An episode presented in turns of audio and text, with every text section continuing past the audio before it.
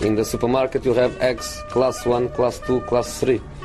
And some are more expensive than others, and some give you better omelets. That's the wrong information. Wrong, wrong, wrong information.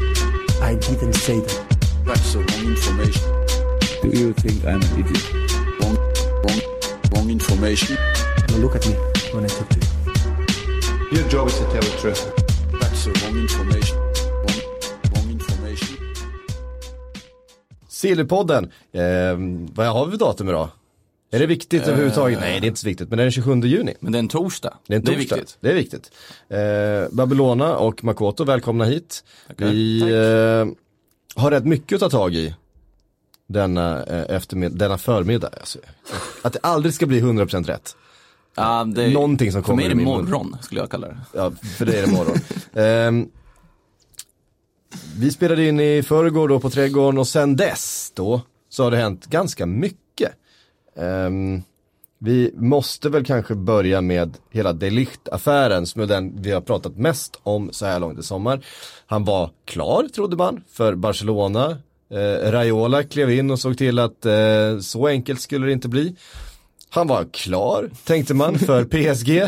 Eh, och nu tror vi väl att han är klar för Juve istället då, efter att PSG har dragits ur ehm, med anledningen att de inte kan erbjuda en utköpsklausul för att det är ju förbjudet i Frankrike. Det är ju tvärt emot. I Spanien måste du ha en utköpsklausul, i Frankrike får du inte ha det, det strider mot lagen.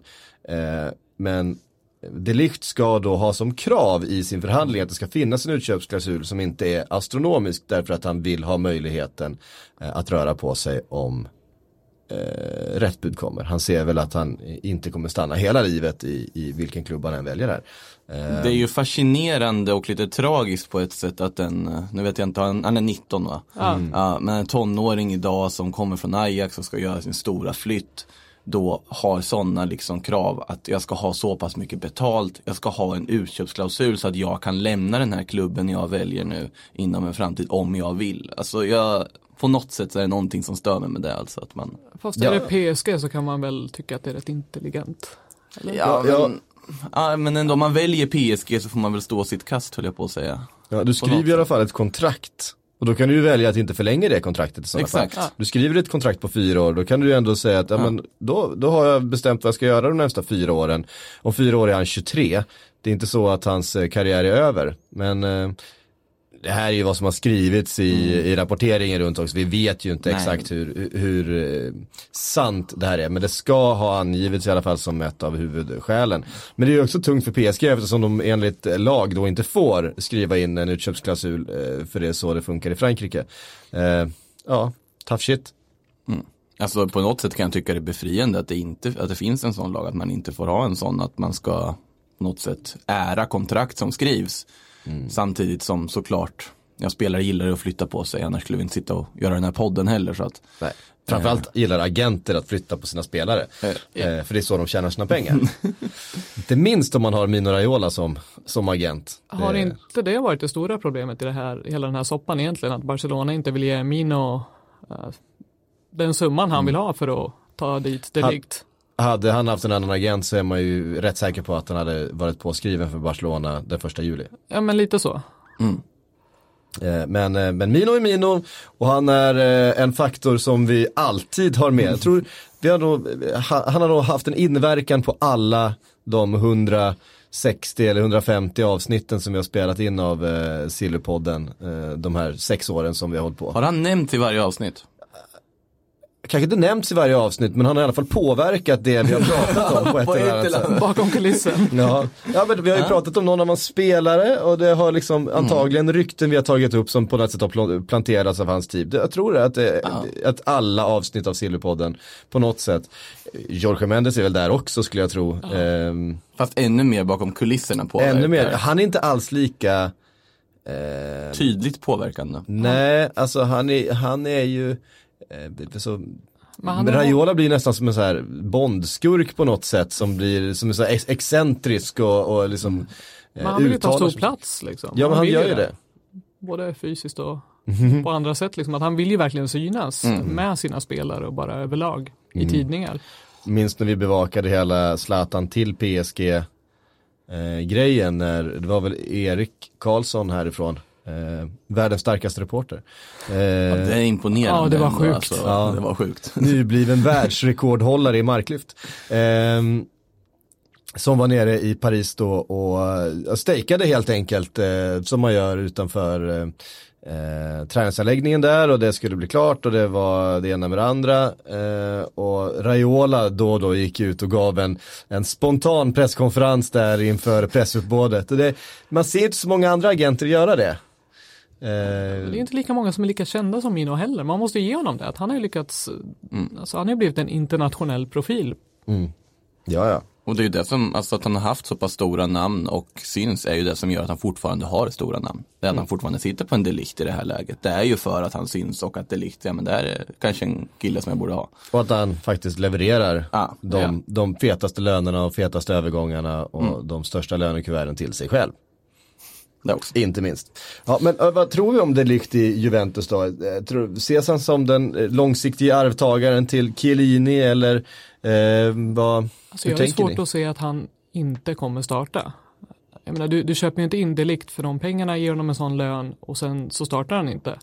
Eh, Chiellini har ju haft lite skadeproblem Mm. eh, sista åren, vilket är naturligt med tanke på spelstilen han har och åldern. Mm. Eh, men Bonucci har ju också varit lite småsvajig, inte Mm. alls samma som han var innan flytterna. Nej. Så jag tror definitivt han kommer bli en viktig spelare och att man ser det som, jag menar, tittar åldersmässigt så har du en back potentiellt i 14-15 år så är du liksom klar. Mm. Eh, Så jag tror definitivt att om man kommer in, tyvärr då för alla andra lag, så blir det väldigt jobbigt att möta Juventus ytterligare. Ja, det, är en väldigt, det är ju en väldigt bra back. Ja, nu, ja, som det- 19-åring. Det är en Ja. fantastisk försvarare så såklart att man förstår ju hypen att alla lag vill ha honom.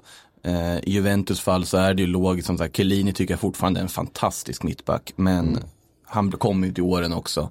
Bonucci, precis som du säger, har ju varit mer liksom svajig så jag, men jag gissar på att man ändå kommer på något sätt rotera dem.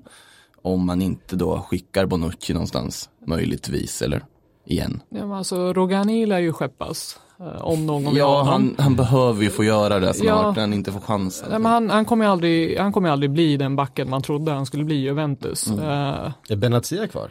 nej, han uh, hamnade i uh, arabvärlden Ja, någonstans. just det, så var det. För han ville ju Precis. uppfostra barnen mera enligt sin tro och hela den grejen. Ja, Tog han som ja, ja. ursäkt. Sen så att det faktum att han mer än dubblade sin lön var väl bara en mindre faktor i det. Eh, så kan det gå. Men eh, ja, nej jag tror absolut han kommer få spela mycket men du kan ju inte bänka någon av de andra två hur mycket som helst heller. Nej. Tror jag inte.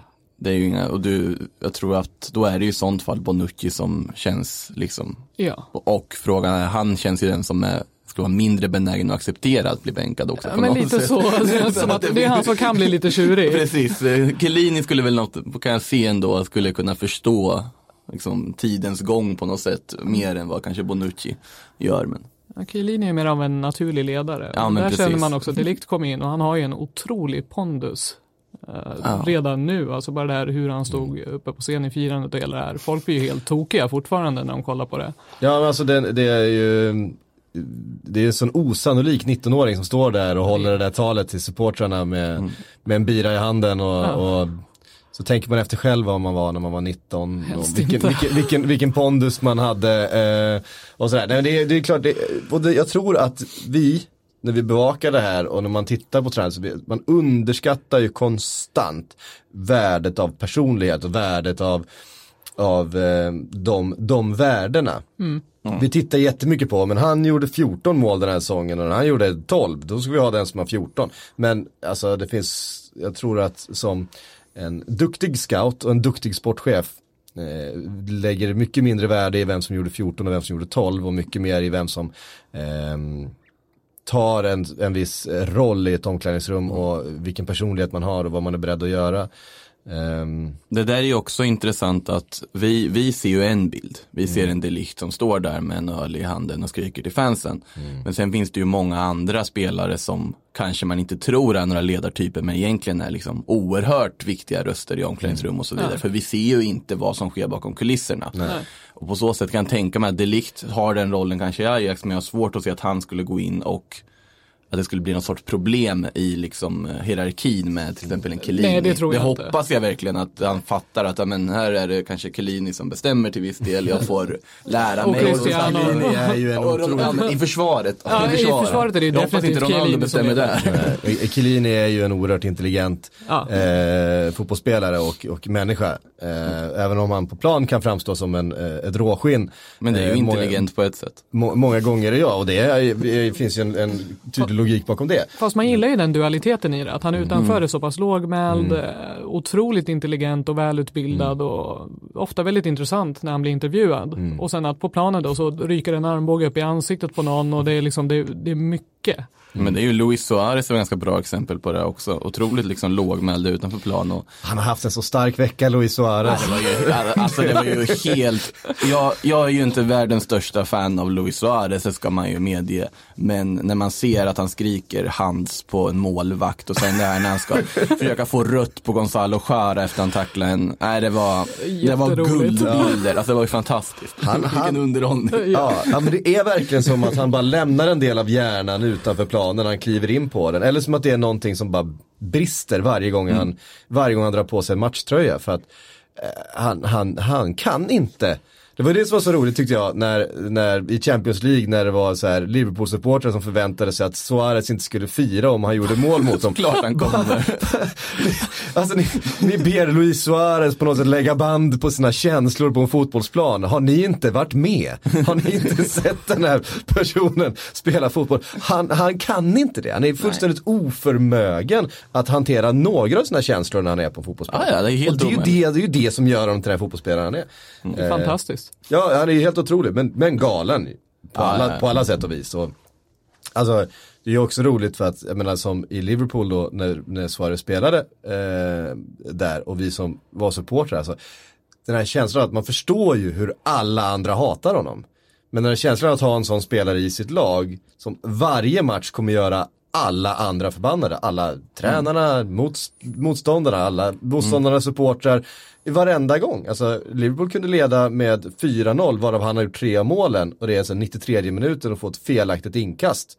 Och han ska bara slita huvudet av den linjedomaren. Och han ska ut och tackla någon liksom offensivt med dobbarna först i det läget när en match som jag Alltså det, det var ju underhållande. Ja, det är klart. Ja. Ja, Det finns inte så många sådana. Eh, Diego Costa eller? är väl en annan. Ja. Jag tycker han har blivit lite snällare tyvärr på sista tiden. Det är lite därför han har tappat, är det inte så? Man, Ja. man vill ju ha den här galningen på Peppe är planen. ju en annan Mm. som var på den typen, men han blev ju också mycket lugnare när han har hår på huvudet och blev pappa märkte jag. Så blev han en helt annan liksom lugn spelare, lite sämre också. Sen när han rakade av det igen då. Det var, Det är där hemligheten ja, jag tror det. Jag känner att, att eh, skillnaden mellan Luis Suarez, och det, det, det har jag tagit upp så många gånger, men eh, Brendan Rodgers hade ju en gång, han la ju ett stort bud på Diego Costa därför att han ville ha anfallsparet Luis Suarez och Diego, Diego Costa i Liverpool. Och, det, och han ville ju ha det och så skulle Steven Gerrard spela tia bakom dem. Eh, det hade varit, det hade varit Det hade man ju velat se. det Det hade hade jag varit velat något. se, det hade man velat se. Ja, det hade varit. Det hade blivit det mest hatade laget. Eh. Genom alla tider tror jag. För att, Tänk att vara mittback och ha de två mot sig. ja, tänk bara stå i spelargången och titta på de här psykopaterna liksom. Ehm, nej, underbart. Ja. Så blev det inte, för Atletico Madrid vägrade sälja eh, den gången. Eh, sen gick det ett år och så hamnade han i Chelsea istället. Så kan det gå. Eh, men eh, det skillnaden med Diego Costa känner jag ändå att han är ju inte, det är inte så att han tappar fattningen på plan. Han är ju rätt medveten om vad han gör. Han är helt Eh, medveten om vad han gör. Eh, Sua- Suarez är ju inte medveten om vad han gör. Han springer. som, han, han, han runt som i en dimma liksom. Annars biter man ju inte folk. Nej, så är det. Ehm, Diego Costa är ju fullt medveten vad han gör i sina situationer och ibland så nu på senare tid tycker jag ändå han gör det med glimten i ögat då och då också. Sen, jag tycker hans, hans bästa dueller var ju ändå med Sergio Ramos, så före Chelsea-flytten. När han Eh. kastar snor på Peppe och allt Ja, han precis. gjorde. Ja. Ja. Men, han var ju inte omtyckt så kan vi säga. jag förstår att du inte tyckte att det var, men det var, det var ju kanske hans mest underhållande, eh, sen han fortsatte rätt bra i Chelsea också. Eh, Med att bete sig men kom undan med det mesta. Kom, Överlag, Han kommer ju ja. undan, alltså han undviker ju röda kort på ett väldigt bra sätt. Det har han typ så här fyra, fem röda kort i karriären? Jag tror inte ens han har det. Nej. Alltså det var, jag vet att han blev utvisad från Barcelona nu och det var ju första gången på väldigt länge han fått ett rött kort. Vilket var, och det var ju felaktigt, det var därför jag var sjuka. Det var så här hand eller något, något- det var jättekonstigt rött kort. Så Ja, det är märkligt.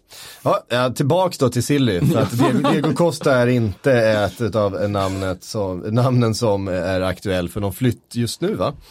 Men han får ju en ny anfallspartner. Ja, det, precis, det har väl blivit klart nu. Ja, Joao Felix.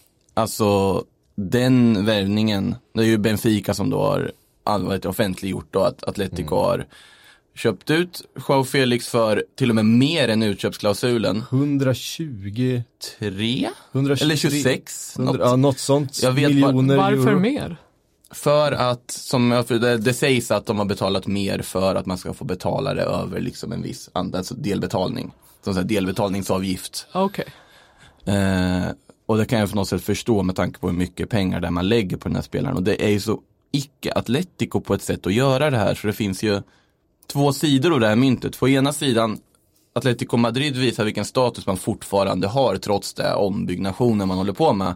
Att man kan få en sån upphausad talang före Premier League-klubbarna och locka över honom. Det är styrkebesked på ett sätt och visa vart Atletico ligger. Att det här är ett topplag. Det här är inte ett lag som kommer ramla ner och försvinna igen utan de här är med i toppen för att stanna. Å andra sidan så lägger man alltså med extrem råge ett rekord, alltså en rekordövergång då på att få in en ganska oprövad anfallare. Som man vet inte hur han kommer leverera.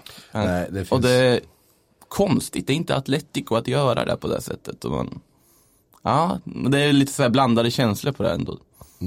Samtidigt ska det bli väldigt spännande ju såklart. Ja, såklart blir spännande, men Ja, Man kommer ju följa, följa den här killen. Eh, det är ju Eh, det är framförallt den där bilden han springer ut och kramar sin lillebror vid sidlinjen. Ja, det är det är den man tar med sig jättefin. från. Ja. Det, är en av de, det är en av de finaste från hela säsongen. Ja, man, riktigt, riktigt fint. man vill ju nästan ska få ta med sig sin lillebror också till, Ja, men lite till, så, att han måste ju få hänga på. det kanske var det. Bollkalle. Det kanske var det som var presentera- extra summan. Han presenteras som en vecka där liksom. Ehm, det är mycket, det var visserligen anfallet, men det är mycket mittbackar annars i, i uh, ryktesfloran. Inte minst en svensk.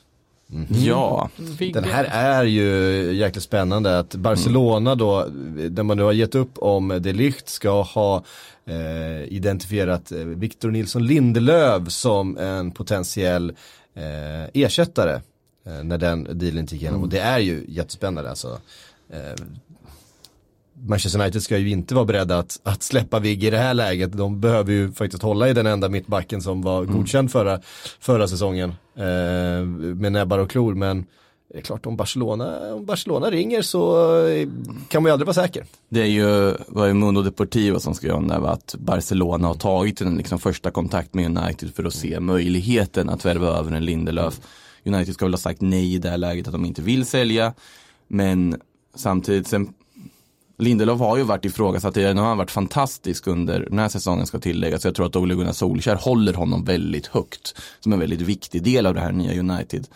Så det ska ju till ett väldigt bra bud för att alltså, United ska kunna tänka sig att skeppa Lindelöf här. Men samtidigt undrar man ju vad, han skulle nog passa i Barcelona absolut som den mittback. Han skulle passa i Spanien men frågan är vad, varför ska Barcelona ha in honom nu? För att om du tittar på Barcelonas mittbacksuppsättning, du har en Piqué som fortfarande håller, måste vara att han kommit i åren. Du har en Langlais som var helt fantastisk förra säsongen tillsammans med Piqué. Du har Umtiti som vi alla vet hur bra han kan vara även om han hade en skadefylld, alltså mitten säsong efter VM, lite så här VM-bakfull som typ hela franska laget var. Du behöver inte en mittback, du behöver inte alltså desperat hitta en plan B. Jag förstår att man vill ha delikt och så vidare för det är också något som pra- det är ju Barca DNA till det här på något sätt också att du vill bygga upp det. Men du behöver inte ha en plan B. Är det så, är man så desperat att bli av med Umtiti? Är det man undrar då. För att du kan inte ha fyra så pass bra mittbackar i samma trupp och tro att de ska rotera. Men två, du kommer aldrig spela en trebackslinje heller. Så att det är konstigt ändå att man letar en plan B. Och låta behåll Umtiti om det inte är så att han har på något sätt bråkat lite för mycket med ledningen och ska säljas oavsett. Liksom. Ja, det är svårt att veta vad som händer eh, bakom kulisserna såklart. Men, men vad tror ni om eh, Vigge då som, som spelare hade, alltså det är klart att Barcelona hade passat men eh, jag tänker Spanien kontra, kontra England. Eh, Vigge- tror ändå det hade passat har ju honom. liksom, eh, han är ju en spelande mittback. Ja. Eh, han har ju bra fötter och hade, ju- känns som han hade hanterat Känns den som han hade hamnat i rätt lag i så fall också. Och sen Ja, han få är ju- spela upp bollen på de Jong. Precis. Han är ju en klok mittback också. Han är ju liksom, har ju spelförståelse och när du spelar i Spanien så kräver det att du är ganska smart och är ganska kylig. På så sätt att du kommer ställas inför väldigt mycket alltså, blottade lägen. Du kommer ställas inför mycket man-man-lägen för att du, dominerar spelet och så vidare och jobbar fram. Så, och i ett topplag också. Så är det sådana lägen du kommer ställas inför. Piqué och Ramos är ju experter på att hantera den typen av lägen. På ett sätt som få mittbackar är. Lindelöf, ja, alltså det, det är ju, man vet ju aldrig. Men jag tror att det skulle passa honom väldigt bra. Sen är frågan hur mycket speltid skulle han få i Barcelona idag med tanke på den mittbacksuppsättning som finns. Ja, nej, det är ju frågan. Ja, det Men är- såklart han ska gå om man får chansen alltså. Allvarligt talat. Ja, ja, ja. Men ska Ole ha kvar då? Bailly? Men är inte både Smalling och Jones ska ju på nytt. Jo, Jo, jo, de är ju... det är, alla har Nej, ju fått det- skriva de- på. De växer snart in i rollen. Men det är också så här, United Ni ska ju, gör, ni gör Babi grimaser här. ja, men United ska ju kräva helt sjuka summor om de ska släppa Lindelöf. Så är det ju i det här läget. Och det antar jag att de kommer göra. Sen får vi se hur desperata Barcelona är att skaffa en mittback överhuvudtaget den här sommaren. Ja. Eh, kul rykte i alla fall. Jättekul. Mer mittbackar då. Manolas. Eh, den grekiske eh, här, back, härföraren. Jag är ju inte riktigt. Han är grek i alla fall. Han är grek, Eh, ja. Han är bra. Han är bra. eh, sägs nu vara klar. Nästan, han är inte presenterad än. Men Men eh, Man säger sig ha hittat överenskommelsen nu i alla Ja, fall. det verkar som att klubbarna är överens och det har pratats rätt länge om det eh, för eh, Napoli. Ehm, Var det 18 miljoner plus Diawara eller något? Ja, såg jag. precis, det är det det är, det väl det som har tillkommit att Diawara ska gå åt andra hållet. Ja, man har väl haft svårigheter att övertala honom, har det sagts. Eh, Fonseca vill ju egentligen ha Mertens, gärna. Var det prat om att han gärna vill ha den spelartypen in i laget. Eh, men nu blir det Diawara då, som han också sägs eh, uppskatta. Så att det är intressant. Det jag mest reagerar på är de här ryktade den ryktade lönen för Manolas som går från 3 miljoner euro netto till 3,5. Det känns ju inte så här Ja, det är ingen jätte... det är inget jättelyft så. Jag menar visst, han får ju lira i ett lag då som potentiellt kan utmana om ligan och hela den här grejen. Men det var inte den här, det var ingen Raiola bump i lönen där. Betyder detta att Koulibaly lämnar? Det tror jag inte. Jag hoppas för Napoli skulle att det inte betyder det, för det mittbacksparet hade man velat se. Ja. Vi har ju Albiol samtidigt som är på väg bort och antagligen väl kommer hamna i typ Villarreal eller någonting för en ganska billig peng. Har ju kommit i åren också. Så att för Napoli skulle hoppas jag verkligen att Koulibaly stannar. Sen om det kommer det där miljardbudet, då, då är det en annan sak. Det är det, som är så, det är det som är så roligt att det är uppe i Manchester nu hos båda klubbarna är så här. Ja, det är Koulibaly och det är Harry Maguire. Det är, det är antingen eller. Då väljer man ju Koulibaly, borde man ju gå på. Alltså. Då får man rätt mycket mer mittback av Koulibaly. Men alltså, De Laurentiis har ju varit rätt öppen med att eh, det är ingen spelare som är till salu. Men om det kommer ett bud så kan man ju lyssna, men det får inte komma i augusti. Nej. Att eh, det, vi ska kunna eh, ja, hitta någon bra ersättare i så fall. Uh, De Laurentiis sågade för övrigt Albiol på Twitter bland annat och så här liksom att just när han hade bett om att få lämna så att det Det är, und- alltså De Laurentiis är väl i och för sig en människa som är ganska svår att förstå väldigt ofta. han är ju en, jätte, det är en jätteintressant karaktär. Ja, det är ju, ju. eh, han är ju Karaktär är ett ganska bra ord. Ja, man är en av de här liksom e- excentrikerna i, eh, i fotbollsvärlden som sitter och bestämmer saker. Och, eh, de, är, de är några stycken. Eh, Ja, som men lite känns i. som att han ibland sitter och twittrar från Napolis officiella konto för det är jättekonstiga saker som kommer ut där. Eh, överlag väldigt mycket konstigt. Men alltså man twittrar konstiga saker från eh, alltså maktpositioner, det har vi ju sett i alla möjliga delar av samhället. Sant. Du tänker på Donald Trump tänker jag. Jag nämner inga namn men det är väl inte så svårt att gissa det här kanske om vi säger så.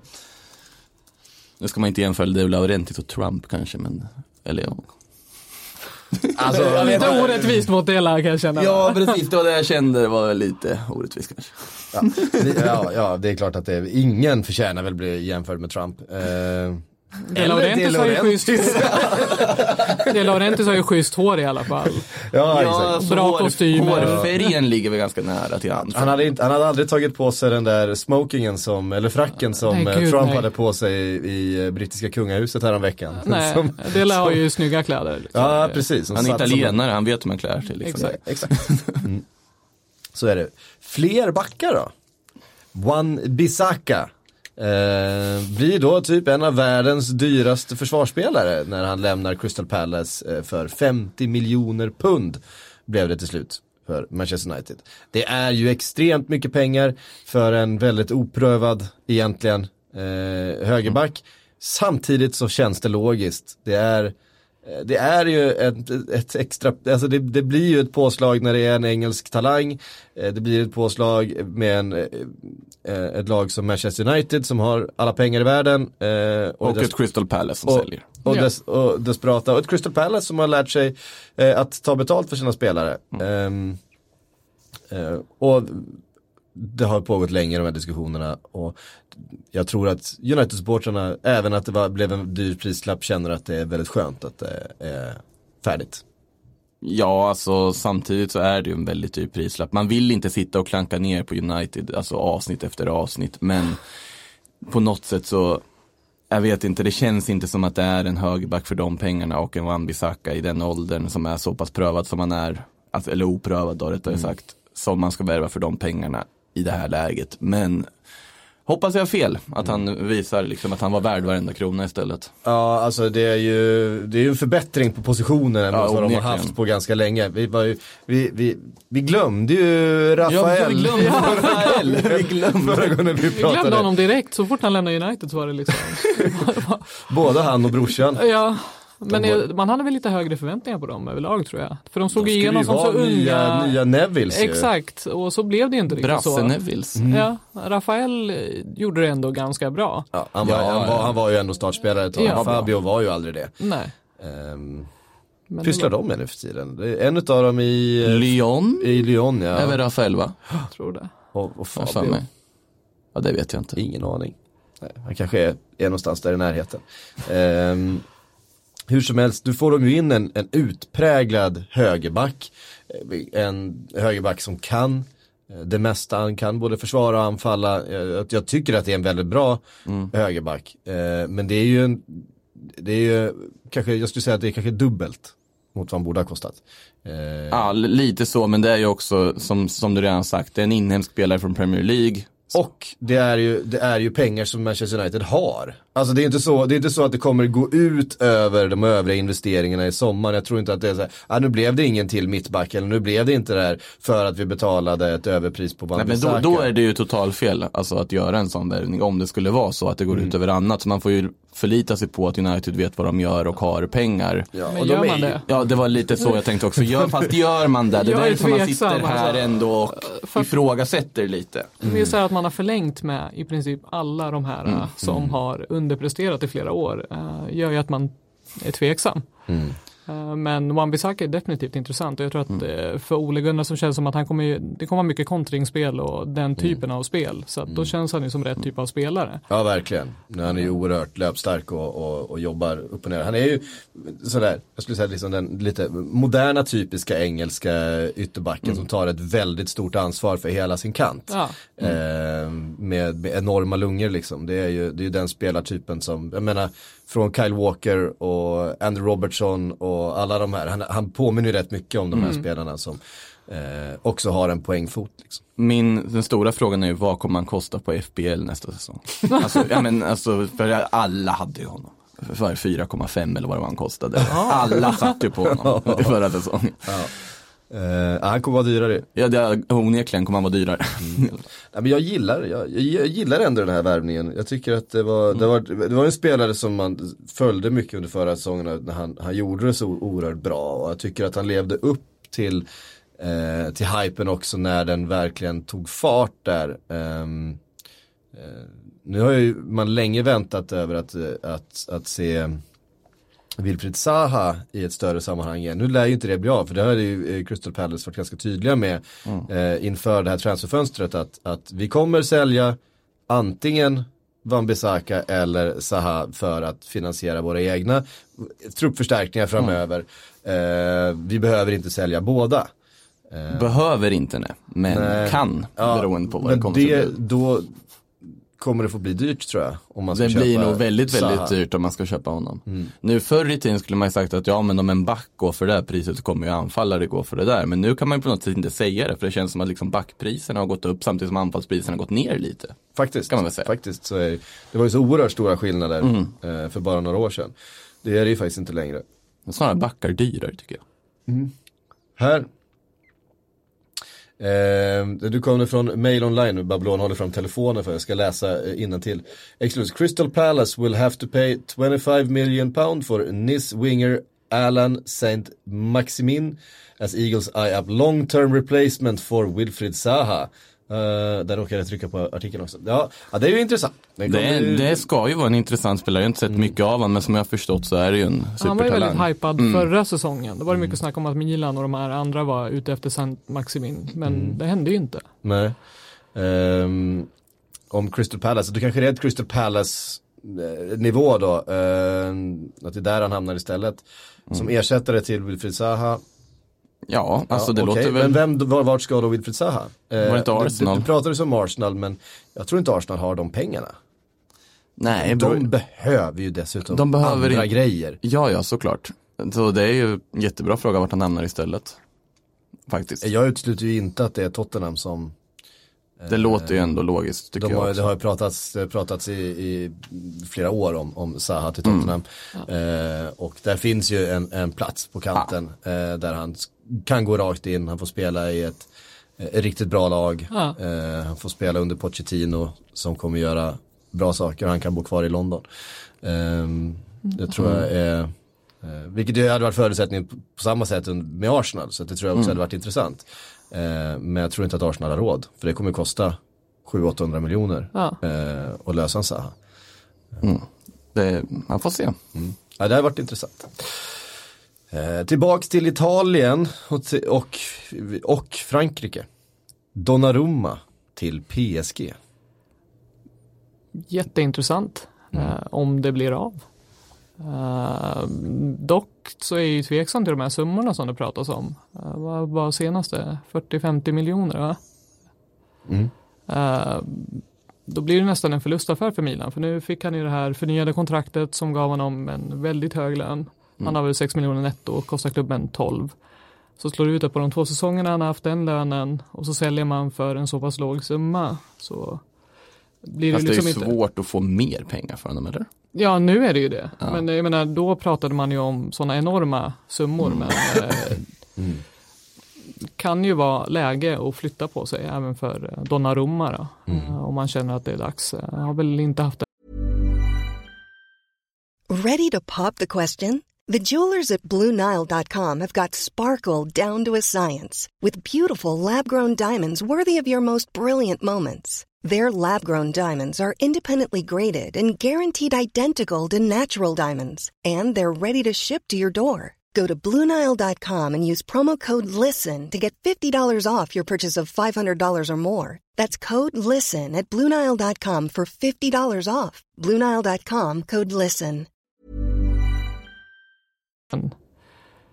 utvecklingskurvan som man kanske hoppades på när han slog igenom. Nej. Han var ju så otroligt dominant där i början. Eh, Men det är ju en väldigt bra målvakt. Eh, Han hade ju lite annat på sitt huvud också en period där som gjorde att Dollarsedlar som trillar ner från läktaren. Lite, Eller? det är ju inte så lätt att liksom hantera den typen av Men inte grejer. i den åldern. Nej, precis. Så att det blir ju på något sätt, det är ganska logiskt att han på något sätt kanske inte riktigt går spikrakt upp på samma sätt. Samtidigt är det ju fortfarande en supermålvakt såklart en som är superung ålder. jätteung också. Ja, och precis. sen är det ju, jag tror att många glömmer, han är ju, han är ju stor. Alltså Mm. fysiken, det tar ju Det lite är det längre tid. viktigaste att det är en lång målvakt. Det är så, du, du är old school. Jag är old school. Du vill inte ha den här reflexsnabba Jag vill, inte, jag panten. vill inte ha målvakter under 1,90. Nej. Eh, Och jag vill ha korta reflexsnabba målvakter. Nej, men det är, Casillas. ja men typ. Han är väl under 1,90?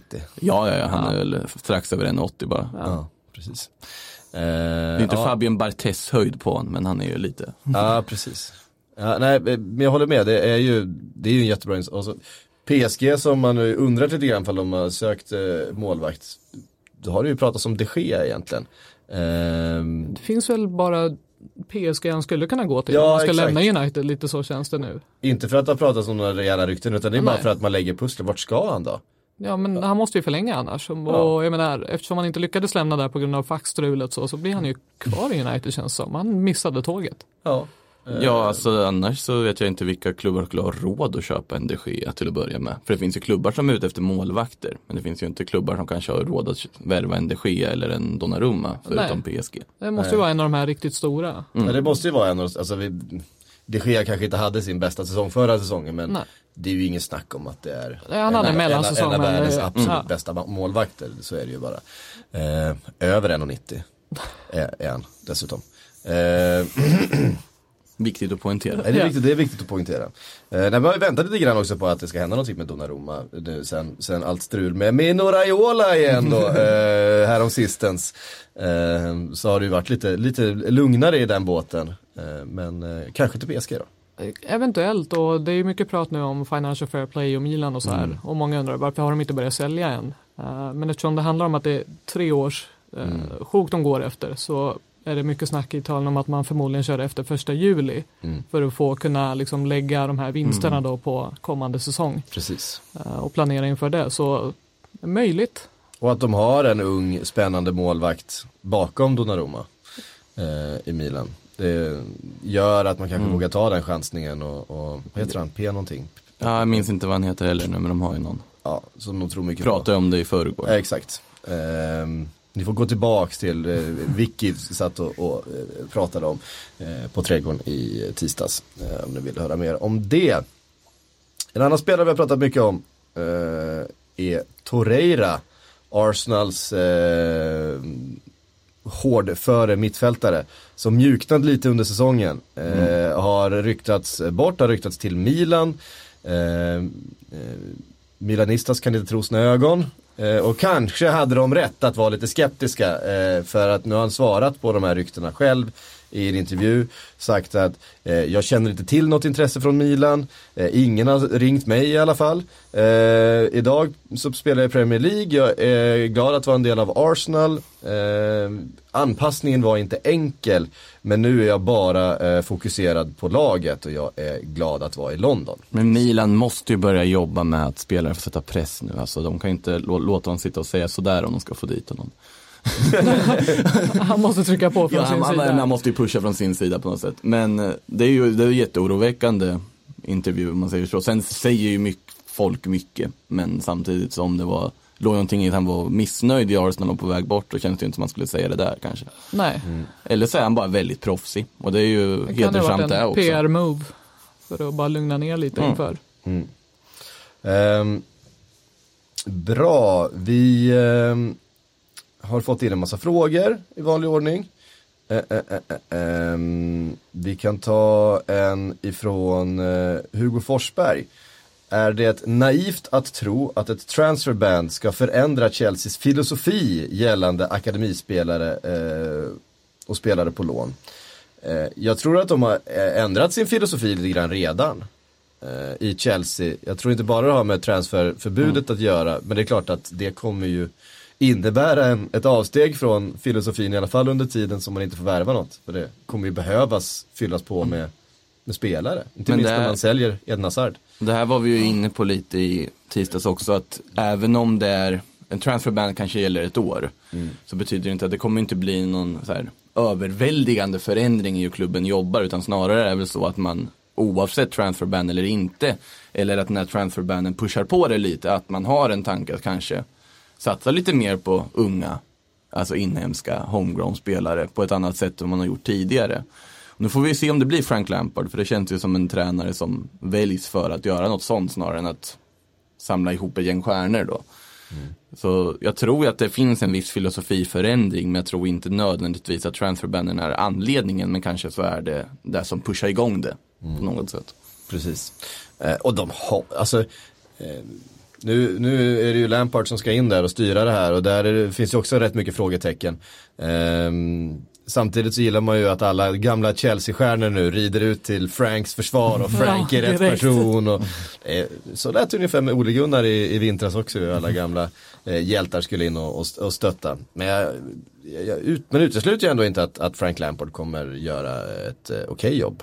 Eh, Där. Det känns som att han få- kanske kan få lite mer tid än vad någon annan skulle ha fått i samma situation. tid brukar ju inte vara Chelseas eh, stora, eh, stora styrka att ge sina eh, tränare. Men eh, har ju massor med spännande ungdomar, jättemycket eh, spännande spelare på lån. Eh, får väl se. Alltså, jag tänker en sån där som Mason Mount liksom. Som var, Ja. som var hos Lampard i Derby. Hade ju en, eh, tror jag, visst var han det? Jag tror det. Ehm, hade ju en jättefin period framförallt i, i höstas när det var väldigt mycket snack om honom och det var mycket YouTube highlights och så vidare eh, från den spelaren. En, en sån kommer ju få speltid om de plockar tillbaka honom. Eh, Nej, men det var ju som, jag vet, vet inte när det var. Tammy Abraham också. Ja, mycket- Tammy, mycket mål. absolut. Och det, ja, men som vi var inne på i, i tisdags också, var, hur sorgligt det är ändå att spelare som Ruben Loftus-Cheek och, och Hudson och nu absolut. är långtidsskadade när de Ja. skulle få den här chansen liksom. Man har ju Dålig timing att- på det där. Mm. Ja, framförallt Ruben Loftus-Cheek har man ju väntat i flera år på att, man, att han verkligen ska få förtroende och speltid liksom över en längre period i Chelsea för att man ser ju vilken spelare det är emellanåt. Eh, sådär, Pogba light som vi har, har kallat honom. Han, han är ju lite Pogba light, han kan göra lite av allt möjligt sådär, stor, stark. Eh, Ändå kan- teknisk liksom. Ja, Inte riktigt samma stjärneglans va? inte riktigt samma stjärnglans men, men eh, han har ju på sig han är ju, han är ju rätt stilig. Eh, Loftus-Cheek. eh, så att eh, jag, jag tycker det Vilket finns också där. är viktigt. Det är jätteviktigt. Ja. Eh, vi tar en till fråga. Erik Sundell skriver, vart hamnar Bruno Fernandes? Tog avsked på Instagram. Bra värvning oavsett vilket lag han hamnar i. Ja, det jag såg nyligen var väl att i, enligt Abola så var det väl två gäng som var kvar i den kampen och då pratar vi Manchester United och Tottenham om jag minns rätt. Eh, det är ju, han har ju varit jättebra i Portugal som jag har förstått det. Och därför har ju väldigt många klubbar varit intresserade. Gjorde väl 30 plus mål va, som offensiv Var mittfältare. det så mycket mål han gjorde? Ja, jag tror det. Kolla upp det. Men eh, ja, det är väl 30 plus borde man ju ha hört om det känner jag, eller? Eller så är det bara jag som är usel koll på portugisiska ligan. Ja, eh, det har man ju. Ja, det, det har jag kan jag tillägga. Eh, vad ska man göra? I alla fall. Nej men eh, Bruno Fernandes i alla fall. Det känns ju som en bra värvning som sagt. För båda. Sen får vi se vad kommer han kosta. Portugisiska klubbar gillar ju att ta en god slant för sina spelare. Så att, och det var länge sedan Sporting var i ett läge de kunde ta en så pass god slant för en spelare. Det brukar snarare vara Porto eller Benfica som. Så här, 32 mål, 18 assist. Förra säsongen. Ja. Okej, ja då förstår jag ännu mer Inte hypen. eh, i alla, alla all competitions då, men det är eh, 20 plus 13 i ligan. Eh, Ah. som, som, som mittfältare. Då ursäktar jag mitt, eh, vad heter det, väldigt spontana ifrågasättande av dina portugisiska fotbollskunskaper.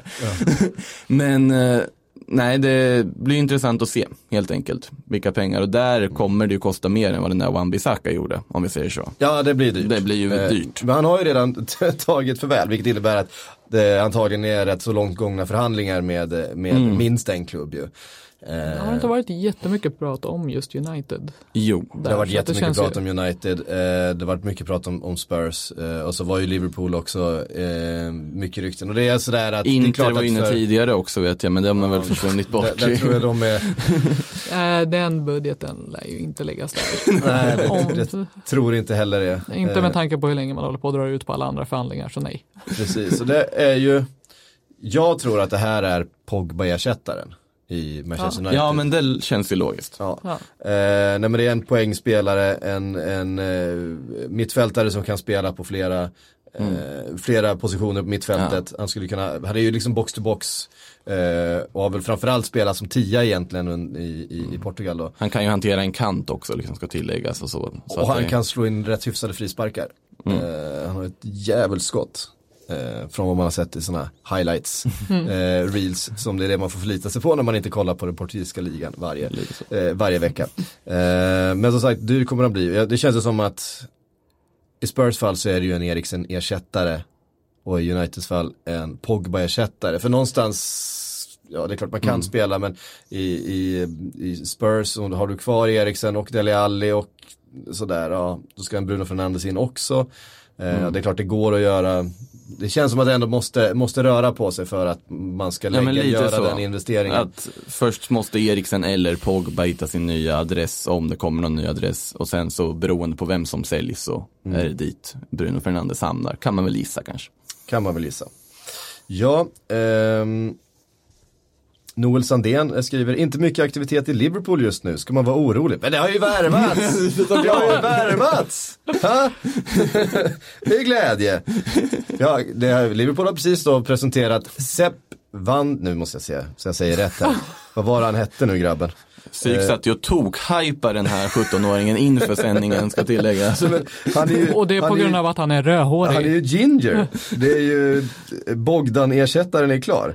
Ehm, Sepp Vandenberg från Zwolle, 17-årig mittback. Du ser, det, det händer saker. Ah, det är en spelare till U23-truppen såklart, så att det är inte så mycket att eh, hetsa upp sig över kanske. Men, han får van Dijk som mentor kanske, de är ju landsmän trots allt. Exakt, det sämre mentorer kan man ju ha eh, som, som mittback.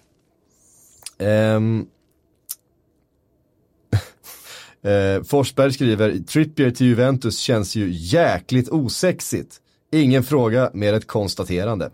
Okej, då tar vi det, då, då, då svarar vi inte på den. Han har ju rätt i och för sig, men Ja, fast det är ett kul, det är ett kul experiment ändå. Ja, det är ett, det är ett, Kan det jag ändå tycka. Jag gillar alltid när engelska spelare får för sig att de faktiskt ska lämna Premier League och testa andra ligor. Jag ja, det händer ju blir lite för sällan. Ja, och det är alltid spännande att se hur de lyckas på något sätt. Vissa lyckas bra, vissa lite sämre. Men... ja. Eh, Erik Anderberg, han vill att vi ska prata om Sillesen Neto Swap. Den Som pratade vi- är officiell. som är officiell nu. Men vi pratade ganska mycket om den i tisdags, eller du pratade om den. Ja, Så att vi, vi behöver väl inte lägga ut texten om den eh, igen då för er som har lyssnat på det. det är officiellt i alla fall och 35 miljoner euro är det väl som sägs att man har betalat för Sillesen då. Ja, precis. Och Sillesen får speltid och Neto får pengar. Precis. Det är väl, Ja men det är ju så det är. ja, precis. Eh, eh, eh, eh, ehm, Linde, han är bekymrad här. Utan två, tre klassköp så kan inte Liverpool vinna ligan. Minst en ytterforward. Trion måste avlastas. Eh, utan två... ja, han har skrivit samma fråga två, två gånger. Ehm, Vad hette han? Sepp va? Ja, Sa- Sepp van den Donk. Två, tre kanske då, är det bara, då är det bara ett, två kvar då. Ja, Eh, nej, jag håller, väl inte, jag håller inte alls med. Eh, jag, jag eh, det, det är klart att det skulle, eh, att två, tre klassköp alltid är bra för chansen att vinna fotbollsmatcher. Ja så är det ju. Men jag tror inte att det är eh, helt nödvändigt eh, i det skedet som Liverpool är. Men om man säger så här då, om du skulle, vilken position skulle du helst vilja få in om det skulle komma ett klassköp? då? Om man tänker liksom att man har en Guardiola kassakista och verkligen vill liksom eh, ja, precis. skruva Ja, på varenda lilla sista skruv. Exakt. Eh, där, då, I så fall så tror jag att eh, eh, då är det kanske en sån här Timo Werner typ. Alltså få in en, en, en, en till snabb eh, forward helt enkelt som kan spela på, på fler än en position där framme.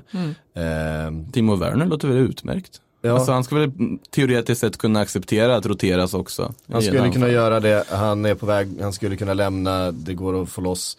Det har varit snack om det också, han är tysk, eh, som gillar Klopp och så vidare.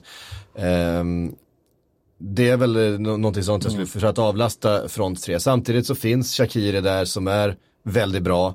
Eh, och sen så är jag ju så, jag vill ju verkligen att Rian Brewster ska få speltid den här säsongen. Nu missade han ju väldigt mycket eh, på grund av eh, skada. Han har missat en hel del. Men det är ju alltså en spelare som nämnts i samma andetag, alltså under alla de här ungdomslandslagen tillsammans med, med Jadon Sancho och Phil Foden. Så är det, det har ju varit Sancho, Phil Foden och Rian Brewster. När de vann U17 VM så gjorde Brewster tror jag åtta mål och vann skytteligan. Tvåan hade fem mål tror jag den eh, turneringen. Han är en, eh, och de tror jättemycket på honom i, i, i Liverpool också. Och Klopp tror jättemycket på honom. Och tydligen är det så att Gareth Southgate följer honom och håller liksom veckovis kontakt och säger Oj, att han är ja. liksom aktuell för engelska landslaget. Eh, om han får tillräckligt my- mycket speltid den här säsongen och han är som sagt född 00. Så att han, ehm, Kanske inte behövs någon Werner då. Nej, alltså det, det, det, det, finns, det finns en oerhörd hype runt uh, Ryan Brewster. Han, han var med, han kom tillbaka från skada ganska sent under säsongen, var ändå med på bänken och vidare eh, i Champions League-finalen och sådär. Så att det, det är en spelare som man tror jättemycket på. Ehm, och det är klart att han har inte gjort någonting som senior. Uh, så att man vet ju ingenting. Nej. Men samtidigt var det synd om han inte fick den här chansen att faktiskt få lite speltid i år. Och det, eh, jag tror eh, att de tror så pass mycket på honom att han, att han kommer få det. Ehm, och så finns ju Origi kvar. Och jag menar, Ja, Origi det är har ju, Ja. har ju Han gjorde det ju bra när han spelade. han har ändå gjort eh, två mål i en Champions League semifinal mot Barcelona och avgjort en Champions League-final. Man kan säga att om Gareth Bale kan behålla myten om honom på att avgöra Champions League-finaler så kan vi ju inte dra ner Origi nu här i träsket. Ehm, mm, mm, mm, vi eh, Jonathan Larsson skriver Uniteds nästa värvning nu när man köpt Bisaka. Eh, jag tror att Bruno Fernandes ligger bra till. Det tror jag med. Mm. Ehm, Sen ska det ju in en mittback fortfarande. ja, det måste in en Det mittback. måste ju in en Men mittback. måste de inte börja sälja också? Det är så jäkla många där som inte ska vara där. Ja, de måste ju, Och de om man måste bara kollar på antal Pogba. också. Ska det komma in en mittback till så måste ju någon rimligtvis ut. Typ vem Mm. som helst av de andra förutom Vigge. Ja, faktiskt. Ja, det är ju svårt att se, det är så svårt för, det är så, de har hamnat i ett sånt skevt läge, eh, Manchester United, där de kan inte sälja sina spelare, de får betala överpriser f- även för breddspelare de tar in. Ja, men det är också för att deras Ehm. breddspelare sitter på alldeles för höga löner allihop. Ja, eh, och de har satt sig i den här situationen genom att inte gö- göra det grundligt från början ju. De har försökt eh, sätta liksom plåster på för stora blödande sår. Eh, alltså det, de lid- lider ju fortfarande utav liksom Angel Di Maria-affären. De lider ju verkligen utav Alexis Sanchez eh, fiaskot liksom. Eh, och flera sådana här affärer. Eh, det, det är ju bara så. Man har ju verkligen inte prickat så kan man ju säga. Och, det är Nej. ju... och sen om det har med dålig scouting eller det har väl både och att göra kanske i och för sig men dålig scouting eller också ibland otur för Di Maria kändes ju då som också återigen om man ska vara icke efterklok då så tyckte jag kändes ganska bra värvning där också att det är en superspelare man får in men han Ja. lyckas ju inte alls. Nej, det funkar inte. Nej. Nej, så är det. Hörrni, det var allt vi hann eh, den här torsdagen. Nu tar jag semester, Silverpodden rullar vidare. Eh, tack för att ni har lyssnat. Tack alla som eh, kom i tisdags. Eh, det var jättekul. Eh, vi hörs snart igen. I think I worked for 16 years here in England, and I deserve a bit more credit than.